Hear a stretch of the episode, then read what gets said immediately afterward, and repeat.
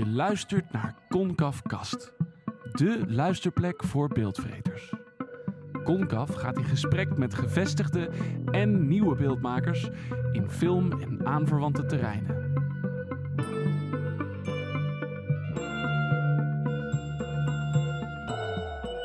Welkom bij een nieuwe podcast van Concaf. Vandaag ben ik in gesprek met impact producer Mirjam van Oort. Op gepaste afstand vanwege de coronacrisis, niet op anderhalve meter, maar op 96 kilometer. Namelijk, Mirjam woont in Amsterdam en we doen dit via de telefoon.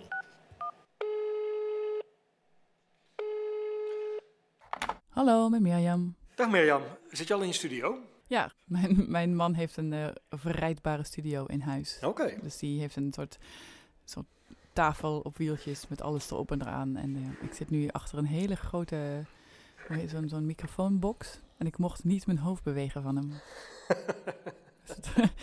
want dan kreeg je het beste geluid, zei hij. Ik zei, oké, dat is heel raar, want zo praat ik natuurlijk normaal niet. nee, nee. Heb je hem al aanstaan? Maar, ja, ik ben er al bezig, want ik dacht ik ga even kijken, maar hij doet het. Hij doet het. Goed, Mirjam, jij bent impact producer. Ja, producent zou ik zeggen. Impact producent? ja, in Nederland noemen we dat gewoon impact producenten. Oké. En voor degenen die niet weten wat het is, wat is een impact producent? De meeste mensen weten dit niet. Dus meestal moet ik dit even uitleggen. En mijn korte eerste zin is dan dat ik uh, als extern persoon probeer om met een documentaire die iemand anders gemaakt heeft, uh, uh, maatschappelijke verandering probeer te bewerkstelligen. Maatschappelijke verandering. Ja, dus het, meestal betekent het dat als je een documentaire hebt die over een bepaald maatschappelijk onderwerp gaat, dan kun je mij inhuren om in dat veld waar je documentaire over gaat, proberen een, een goede positieve bijdrage te leveren. En je bent ook zelf maker? Dat is een heel groot woord. Want? ik wil heel graag maken. Oké. Ik, maak, ik maak voor mezelf dingetjes. Ik ben niet officieel. Ik zou niet uh, durven in, uh, in de Nederlandse filmwereld om mezelf een documentairemaker te noemen. Oké. Zou je het willen?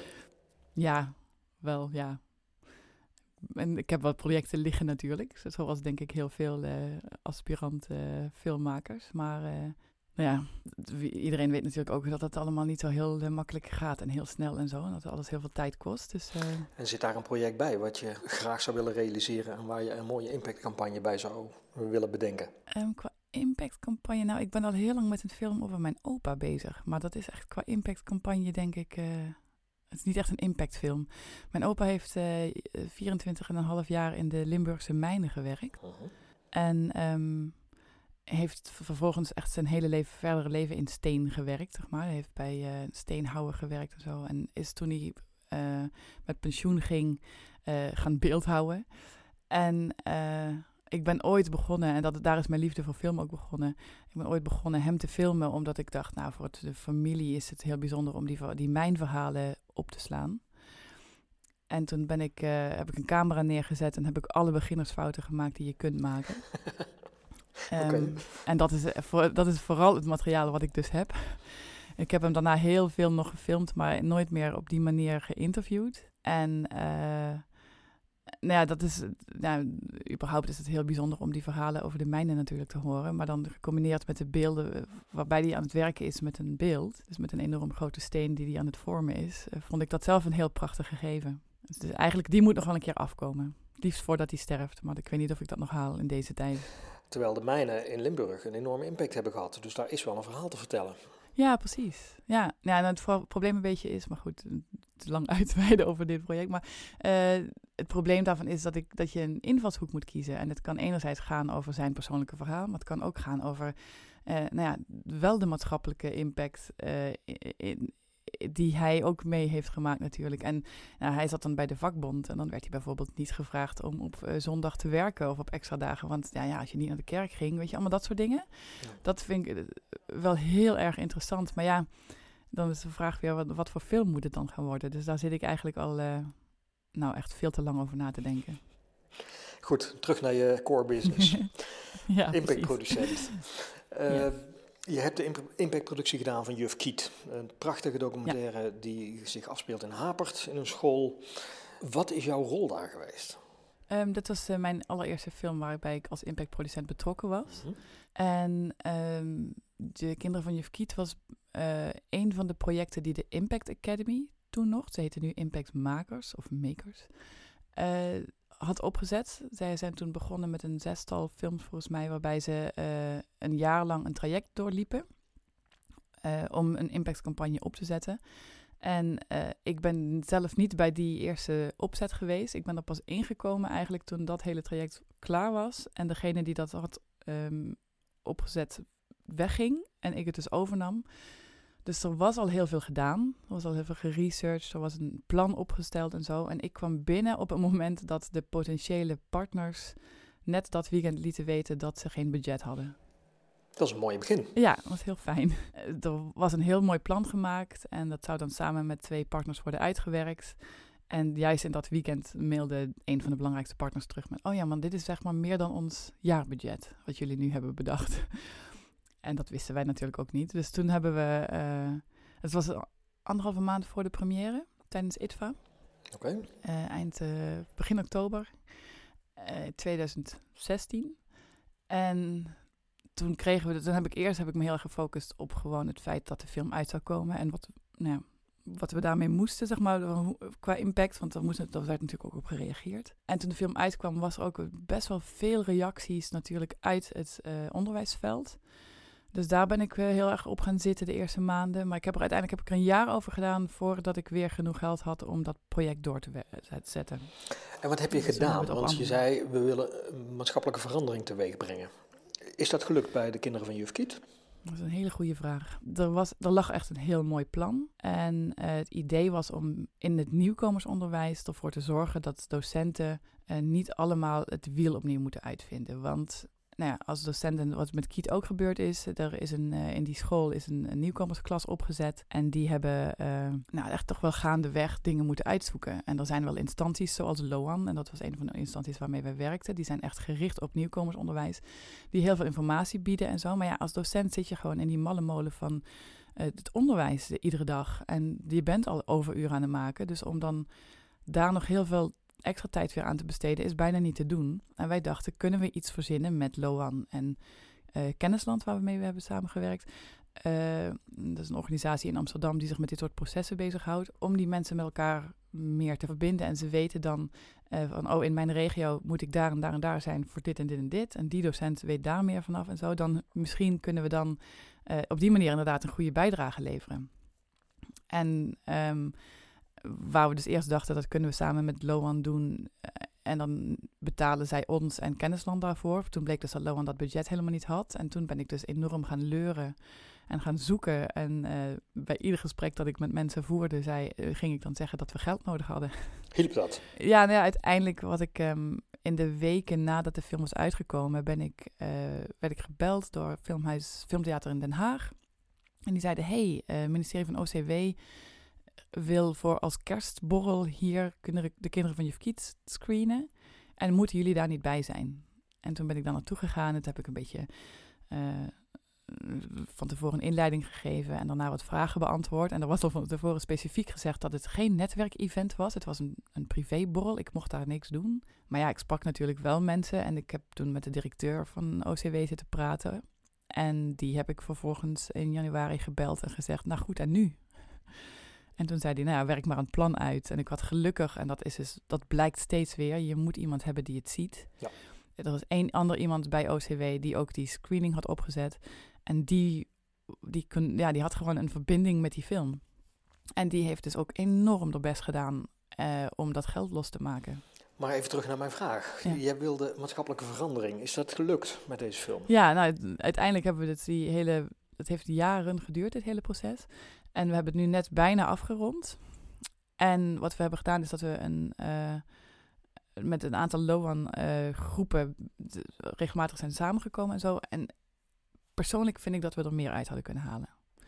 Aan de andere kant denk ik dat de mensen die bij die bijeenkomsten waren er wel iets aan gehad hebben. En hopelijk is er een, een groter netwerk opgebouwd. Um, we hebben allemaal prachtige filmfragmenten en fragmenten die niet in de film zitten, maar wel gefilmd zijn. Uh, die zijn beschikbaar voor mensen van Loan. En daar wordt nu ook nog steeds aan gewerkt volgens mij om op hun website daar een heel mooi pakket van te maken met allemaal aanvullende vragen en zo om die gesprekken te blijven voeren. Dus dan kan je ook als medewerker of als, docent kan je naar die website gaan en dan met je eigen collega's dat, uh, dat, dat doorlopen, zeg maar. Um, zelf had ik natuurlijk heel graag gewild dat het groter en, en meer en duidelijker zou zijn. Wat had je graag gewild? Schets eens je, je droombeeld. Um, ik had heel graag gewild dat er echt een mooie plek online zou komen waar dat uh, mensen naartoe zouden kunnen gaan. Meer dan nu met die Loan-website. Ik, ik, had gewild dat het veel meer ook nog aan de film zou kunnen worden gelinkt. Um, en ik had gewild dat we die bijeenkomsten, dat die constructiever waren geweest. Maar goed, dat is ook iets wat ik... Ik zit niet in het onderwijs, dus ik weet ook niet wat je... ik heb misschien andere verwachtingen daarvan. Dat is ook iets wat iedere keer weer blijkt. Je komt weer in een nieuwe situatie en ik kan ook maar... Ik, ik, ik denk vanuit de film en niet, van, niet vanuit het, het, het veld in principe probeer me in te leven in het veld. En ik heb contact met de mensen uit het veld. Maar ik kan dus dat niet inschatten in hoeverre wat ik zou willen realistisch was. En, en waar komt die drijfje vandaan? Waarom wil jij dit eigenlijk doen? Nou, ik, ik denk wat mij ooit lang geleden al greep binnen de documentaire wereld, is dat dat natuurlijk de, de mooiste manier is om een verhaal te vertellen en om veel mensen te bereiken. Ik heb ook heel lang uh, theaterdingen uh, gedaan en um, mijn theater heb je de, de 30 tot 150 of misschien wel 700 mensen die op dat moment in je zaal zitten. Hè, maar met film kan je zoveel meer mensen bereiken. En als je een goed verhaal hebt en het wordt dan vervolgens op de plank gelegd nadat het een paar keer vertoond is, is dat echt zonde. Ik vind het ook een beetje zonde van het gemeenschapsgeld wat in zo'n film gestopt is uiteindelijk. Je ziet ook gewoon iedere keer weer bij screenings dat mensen geraakt worden en dan ook iets willen. En dan is dan natuurlijk vervolgens is het de, mijn frustratie dan dat dat niet altijd ook meteen actie uitvolgt. Toch een beetje missionarisdrang? Ja, nou ja, op het, als je het heel persoonlijk gaat zoeken, mijn ouders hebben mij uh, Mirjam Rosa Angela genoemd. En mijn vader schreef toen ik vier was of vijf in mijn Poesie-album dat ik, ik was vernoemd naar Rosa Luxemburg en Angela Davis. En toen schreef mijn vader, we hebben je deze namen gegeven in de hoop dat ze een voorbeeld zullen zijn voor de rest van je leven. Nou ja, sindsdien heb ik daar wel last van, ja. En wie zijn dat? uh, nou, Angela Davis is, uh, die, die hoorde bij de Black Panther uh, movement. En die kwam heel erg, die, die leeft nog steeds in Amerika. En die uh, komt op voor de rechten van de zwarte vrouw. En Rosa Luxemburg die heeft grote daden gedaan in de Tweede Wereldoorlog. Erg, hè? Dit had ik beter, even beter moeten voorbereiden. Maar het zijn mensen die strijden voor de rechten van anderen. En daar ben jij van jongs af aan mee grootgebracht? Ja, dat is er wel een beetje ingehakt, denk ik. Ja. Okay. Dat je samen de wereld een beetje kunt veranderen, inderdaad. En lukt dat? Um, ja, op een kleine schaal wel ik denk namelijk wel, ik bedoel, los van überhaupt de mensen die zo'n documentaire bijvoorbeeld dus maken.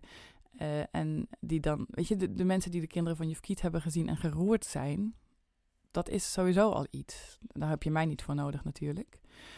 Um, dus in dat opzicht vind ik het feit dat documentaires bestaan heel goed. Dat je vervolgens daar meer mee kan. En dat je vervolgens daar uh, uh, gesprekken door kunt gaan voeren die je anders op een ander niveau voert. Vind ik alleen maar mooi meegenomen. En dus inderdaad een manier om de wereld een beetje te verbeteren. Het is een vrij nieuw fenomeen eigenlijk, hè? Uh, sinds een jaar of vijf, zes. Uh, in Nederland althans. Mm -hmm. um, maar het begint eigenlijk steeds belangrijker te worden, geloof ik. Kan je daar iets over vertellen? Um, ja, het is sowieso het is begonnen, naar mijn idee, ergens in de Verenigde Staten en, uh, en uh, Engeland. Uh, waar ze daar veel meer vooruit lopen. En ik heb vorig jaar, twee jaar geleden, een workshop mogen bijwonen van de Doc Society. En die zijn daar echt voorloper op. En dat was echt zo inspirerend. En dan kan je dus ook zien hoe het in andere landen eraan toe gaat. En dat wij echt inderdaad nog echt in de kinderschoenen staan hierbij. En wat ik merk hier in Nederland is dat het nu tegenwoordig, dus en het is vier jaar later dan toen ik ermee begon, is het al zo dat ik vaak gebeld word met ja, ik wil een aanvraag doen bij een filmfonds, maar ik moet uh, ook een impact traject hebben, want anders krijg ik mijn geld niet. En dan, dus dat, wordt nu al uh, door het filmfonds daarin opgenomen. Het is een eis van het filmfonds tegenwoordig. Ja, ik weet niet of het bij iedere film zo is, maar ik heb echt wel een aantal mensen die me op die manier benaderd hebben met um, ik, ik moet hier iets meer mee doen dan alleen de film maken. Ik moet zeggen, ik ben echt niet helemaal op de hoogte van alle uh, ontwikkelingen op het uh, organisatorische veld hoor. Dat, uh, de impactmakers die zitten, houden zich daar heel erg mee bezig en die weten daar echt heel veel van. Um, dus meestal als er iets zich voordoet, dan grijp ik terug op hun kennis en ervaring en dan heb ik contact met hen daarover. Omdat ik echt als, als ZZP'er word ingehuurd om gewoon bij projecten uh, mee te werken. En dan word je al heel snel gewoon in die werelden gezogen. En dan ben je niet zo heel erg bezig met wat er eh, eh, op hoger niveau of hoger hand wordt besloten. Maar ehm, ja, ik denk daarnaast ook wel dat steeds meer mensen zich dat realiseren dat het ook kan. En dat het fijn is. Weet je, heel veel makers willen natuurlijk een bepaald verhaal vertellen om met als reden dat ze willen dat mensen er iets mee gaan doen. Of dat het iets met mensen doet. En ik denk dat als je film zich daarvoor leent, dat het een uitermate goede manier is om, er, om hem ook ja, meer bekendheid te geven, zeg maar. Zo ben je ook nog met een andere Brabantse documentaire bezig, Zorg voor Dooi. Mhm. Wat is dat voor verhaal? Wat wil je daar vertellen? Ja, het is een heel bijzonder verhaal in zoverre dat um, het verhaal op zich relatief simpel is, zeg maar. Het gaat over Dooi, die uh, inmiddels al in de tachtig is en uh, nog steeds op de boerderij woont waar hij geboren is. Um, en daar wil hij ook niet weg natuurlijk. Hij heeft broers en zussen die allemaal wel zijn uitgevlogen, maar hij woont daar nog steeds. Maar hij kan natuurlijk steeds minder. En um, nu heeft zijn achterneef met zijn vriendin hebben bedacht dat zij de boerderij overnemen en dan een zorgwoning voor hem gaan bouwen. En um, dit, deze film toont dat proces. Dus dat zij het daarover gaan hebben en dat er met de architect gekeken wordt en dat er dan ja, opgeruimd moet gaan worden en uh, dat die woning voor hem gebouwd wordt. En dat is als verhaal is het prachtig, want uh, nou, hij is een hele, hele mooie man om naar te kijken ook. Maar uh, heel echt zo'n een, echte Brabantse boer, naar mijn idee. Hij, hij, voor mij voldoet hij aan, uh, aan alle kenmerken. Um, en hij, um, het is gewoon een heel zwaar proces natuurlijk. want hij, hij moet toch iets loslaten, ook al blijft hij op zijn eigen erf wonen. Dus dat is heel mooi om te zien. Um, en toen, wij zijn heel vroeg in het traject zijn we begonnen met uh, de impactproductie al. Dus zij waren nog steeds midden in het filmproces bezig. En toen ben ik er al bij betrokken geraakt. En toen zijn we al heel snel natuurlijk zijn we gaan kijken van wat zijn de, de, de velden waar we dan over moeten gaan nadenken. Waar zouden we iets kunnen doen? En de makers, Inge Guffens en Eva Zwart, die hebben samen uh, filmzorg. En die maken al heel veel producties die gaan over uh, zorgen voor elkaar en, en ja, medemenselijkheid, zeg maar. Dus daar gaat de impactcampagne ook over? Ja, dus het, wij, wij gingen direct over de mantelzorg en de nieuwe samenlevingsvormen en allemaal dat soort dingen. Want we dachten, dit is de nieuwe maatschappij, weet je, we moeten hier ja. naartoe. Uh, de, de participatiesamenleving, uh, die natuurlijk steeds vaker genoemd wordt en zo. Dus wij hebben daar heel erg op ingezet. En wat je eerst doet in zo'n proces is dat je dus gaat kijken van welke, wat, wat, wat willen we proberen te verbeteren of waar willen we een bijdrage leveren en in welk veld zitten we dan en waar moeten we dan naartoe? En dan ga je natuurlijk partners zoeken. En iedere organisatie die we binnen de mantelzorg vonden, die uh, was dan in eerste instantie een beetje geïnteresseerd. Maar op het moment dat we vertelden dat het over een boer ging en zo, zeiden ze ja, maar het is heel onrealistisch. De meeste mensen wonen niet op een boerderij. En dan hield het op. Um, en wat natuurlijk ook zo is, is dat de meeste zorgorganisaties geen budget hebben. Dus dan, als er interesse is, dan kunnen ze ook nog steeds heel weinig. Uh -huh. Ja, en er, en er, is ook nog een keer geen tijd natuurlijk. Dat blijkt natuurlijk in deze tijd nog steeds meer. Uh, dus als je geen budget en geen tijd hebt, dan is samenwerking gewoon niet gemakkelijk. Dus hielden ze heel erg de boot af. En, en tegelijkertijd dachten het gaat natuurlijk ook over erfgoed, want dat is de verbouwing van een oude boerderij. En het hele verhaal is op gang gekomen omdat de architect Inge had gebeld en zei: Zou je dit kunnen filmen? En gewoon de binnenkant van het huis, want het is zo bijzonder. En zo kwamen we ook bij die erfgoedsector terecht. En daar was wel heel veel uh, interesse. Ook juist voor die link met uh, de mantelzorg en, en die nieuwe samenlevingsvormen en allemaal dat soort dingen. Dus uiteindelijk zijn we uh, ons meer gaan richten op de erfgoedsector. En hebben we op die manier, nog voordat de film, want de film is nu in de eindmontage, dus nog voordat de film überhaupt af was, uh, hebben we al een impact traject gehad met zes bijeenkomsten binnen die erfgoedsector met allemaal um, andere organisaties, waarbij die verbinding die we wilden maken juist echt het, in het middelpunt stond. Dus het kreeg ineens een hele andere wending, begrijp ik. Ja, ja dat is heel grappig en helemaal heel onverwacht ook. Dat we echt uh, opeens dachten, wat moeten we dan nu in, in deze? Want wat, wat, ja, hoeveel erfgoed kunnen we bieden? Maar uiteindelijk was het juist mooi. We hebben het samen met Monumentenhuis Brabant gedaan. En die waren ook gewoon heel erg op zoek. En dat is natuurlijk ook wel van deze tijd. Hè? Er komt nu, uh, ik weet nu ook allemaal hele rare dingen over wetten en zo. Want je krijgt een nieuwe uh, wetgeving waarbij gemeentes hun eigen omgevingswet moeten maken. En um, in dat kader vallen daar ook natuurlijk het buitengebied en de boerderijen en allemaal dat soort dingen in. En dan krijg je toch weer met die erfgoedsector ook te maken. Dus het was heel grappig om te zien hoe die linkjes dan uiteindelijk toch gelegd worden. En zit er nog meer in het vat van deze film? Ja, we hopen heel erg van wel, want we zijn dus nu, zijn Inge en Eva bezig met de montage en het hele eindproces en de nabewerking. En ehm, ja, dan gaan wij nu deze zomer gaan we ook weer kijken naar wat kunnen we er nu verder mee. Want als de hele film af is, dan krijg je natuurlijk ja, wel weer ook weer meer mogelijkheden. We hebben nu gewoon met scènes gewerkt die al genoeg aangaven om de onderwerpen te bespreken. Uh, en daarnaast zijn er een aantal van onze partners die ook wel verder met ons willen. Dus dat is ook wel heel fijn. En wat ga je doen in de zomer? Uh, nou, we moeten nu eerst weer een nieuw plan gaan schrijven.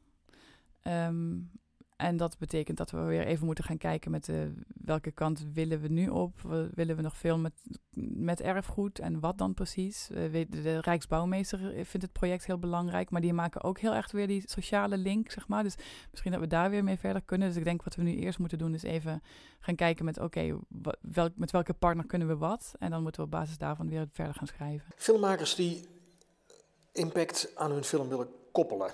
Moeten die daar veel geld voor uittrekken? Zorgen jullie zelf voor geld? Hoe werkt dat eigenlijk? Um, wat in de meeste gevallen zo is, is dat um, het is altijd fijn als er iets van budget is. En dat halen de meeste mensen uit hun filmbudget om te starten. Um, dus nou, ik denk dat eigenlijk het meest redelijk is om, om naar de 5000 euro. Dan heb ik hem, uh, ik persoonlijk, heb ik een, een 10 tot 15 dagen om dingen uit te gaan zoeken en om te werken en om een plan te schrijven. En dat doe ik meestal in samenwerking met uh, de, de maker. En dan vervolgens, als je dat plan hebt, dan ga je op zoek naar mensen die willen meewerken en uh, dan ga je proberen om aan geld te komen. En dat doe jij?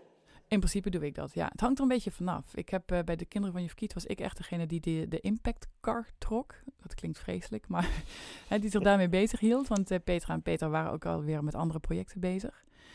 Um, en bij Dooi is het juist zo dat Inge en Eva zelf onwijs betrokken zijn hierbij. En uh, nou, ook echt heel veel daarvoor gedaan hebben.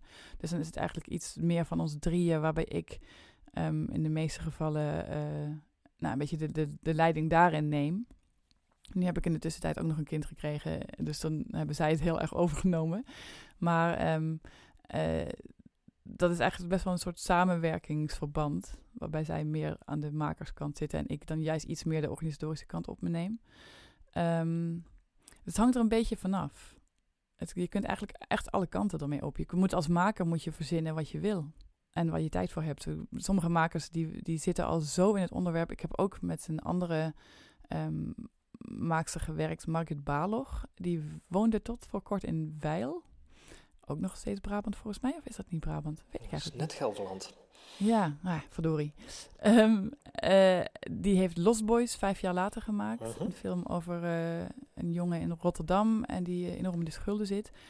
Nou, de kennis die zij heeft over het onderwerp, die kon ik echt niet bijkrijgen, zeg maar. Dat, dat, dat, zij wist zoveel. Dus dan kan ik de organisatorische kant op me nemen en hè, de contacten onderhouden en het netwerk uitzetten. Maar zij had al een enorm netwerk. Dus het enige wat ik moest doen was proberen om die mensen een beetje op ons paadje te krijgen, zeg maar. In welk stadium wil jij het liefst gebeld worden? Zo vroeg mogelijk. um, je kunt op zich op ieder moment instappen. Ik heb ook wel eens uh, aan, aan, films gewerkt die al lang af waren en al in de première waren geweest. En dan moest er toch nog een impact traject aan verbonden worden. Um, dat kan. Maar wat ik merk is dat eh, hoe eerder je betrokken bent, hoe beter. Omdat je uh, nou ja, echt wel het proces meemaakt van de makers. En je kunt daarin dan ook nog wel eens een beetje meer sturen voor materiaal wat je zou kunnen gebruiken, bijvoorbeeld. Bij, zowel bij Doi als bij Lost Boys heb ik echt een aantal keer wel gezegd: kan je dan niet dit even vragen? Of kan je misschien, uh, als je nou zo'n shot neemt, of als je daar even over nadenkt. Want waarschijnlijk, als we dit dan als we scènes gaan gebruiken, is het wel fijn als je zo'n scène hebt. En dan uh, hoeft hij helemaal niet in de film te komen. Maar dan kan je dat wel nog, weet je, als extra materiaal gebruiken of zo. Het wordt ook meer van jou. Ja, en je bent gewoon inderdaad meer betrokken bij het project. Want anders krijg je gewoon iets op een schoteltje en doe maar jouw ding daarmee. Terwijl het natuurlijk ook mooi is om te zien hoe zich iets, iets zich ontwikkelt en hoe de makers door al die processen heen gaan en zo. Wat een ander groot ding is om vroeg erbij betrokken te zijn, is dat je dan inderdaad al kunt voortbouwen op uh, potentiële uh, projecten, hè, dus eh, de, de, het hele impactplan. Uh, en dan kan je er, als alles goed gaat, kan je erop aanhaken op het moment dat die film in première gaat. Of uitkomt, of op televisie wordt vertoond. En dan staat het klaar. In plaats van dat op het moment dat dat gebeurt, en dat had ik dus persoonlijk bij Kiet, dat je dan moet gaan reageren op wat er gebeurt. In plaats van dat je weet wat er zal gaan gebeuren. En dan denk ik dat je sommige boten kunt missen. En dat je niet eh, voorbereid genoeg reageert op dingen. En met Kiet heb ik dat gemerkt, dat we een soort... Um, waar iedereen was natuurlijk laaiend enthousiast over hoe, die, hoe prachtig die film is. Maar er kwam meteen ook een anti-geluid uit de... Uh, uit de onderwijssector, die, een aantal mensen die er heel graag kritisch wilden zijn, wat op zich prima is. Maar ik denk dat ik gewoon niet goed genoeg erin zat om daar nou eens echt heel goed op te antwoorden. Mirjam, waar hoop jij over vijf jaar te staan? Ja, dat is een hele goede vraag. uh, zeker nu, in deze tijd, omdat uh, ik zat al tussen projecten in, zeg maar. En nu is het al helemaal rustig natuurlijk. Dus dat maakt ook wel dat je dan weer denkt, is dit iets wat we heel lang mee door kunnen? Bij die bijeenkomst die ik heb gehad van Doc Society, dat was een, een, een workshop van een week, um, was er één iemand uit Amerika en die zei... Uh, ja, ik ben begonnen als impactproducent voor die en die film. En uh, nou goed, op dit moment kan ik niet meer alleen maar voor één film volledig worden ingezet, want daar ben ik te duur voor. En toen dacht ik, oh, dat klinkt goed. dus ze zei, ik word alleen maar gevraagd voor advies.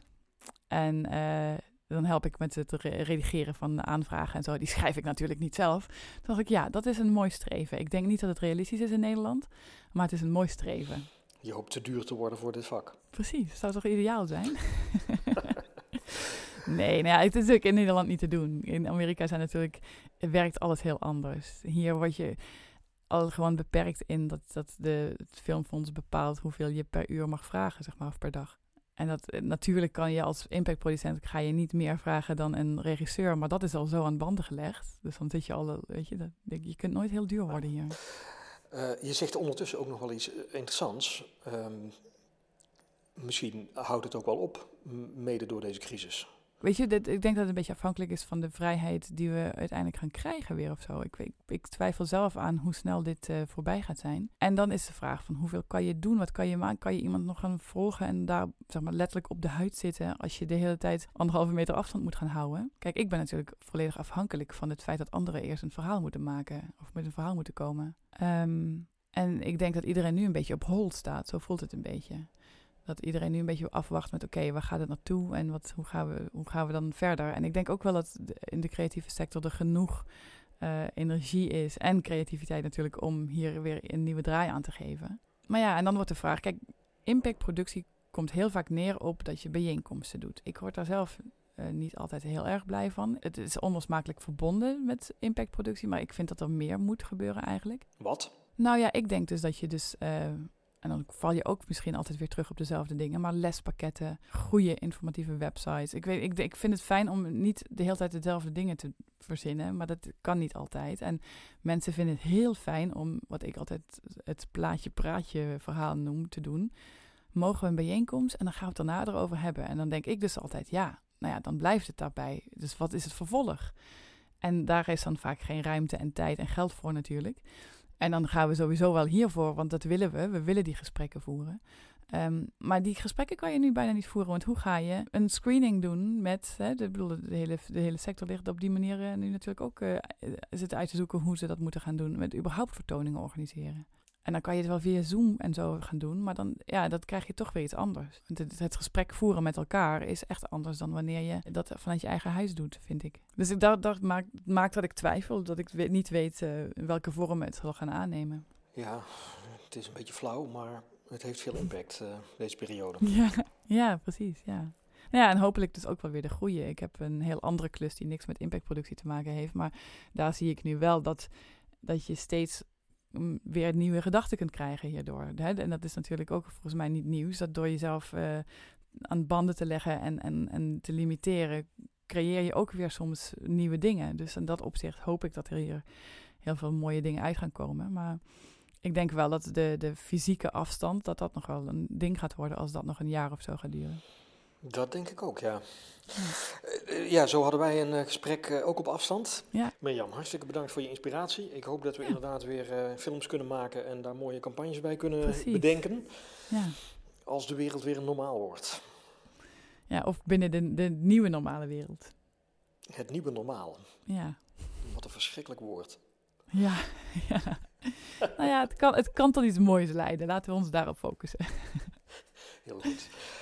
Hartstikke bedankt en uh, nou ja, uh, hopelijk tot een andere keer. Goed, dankjewel.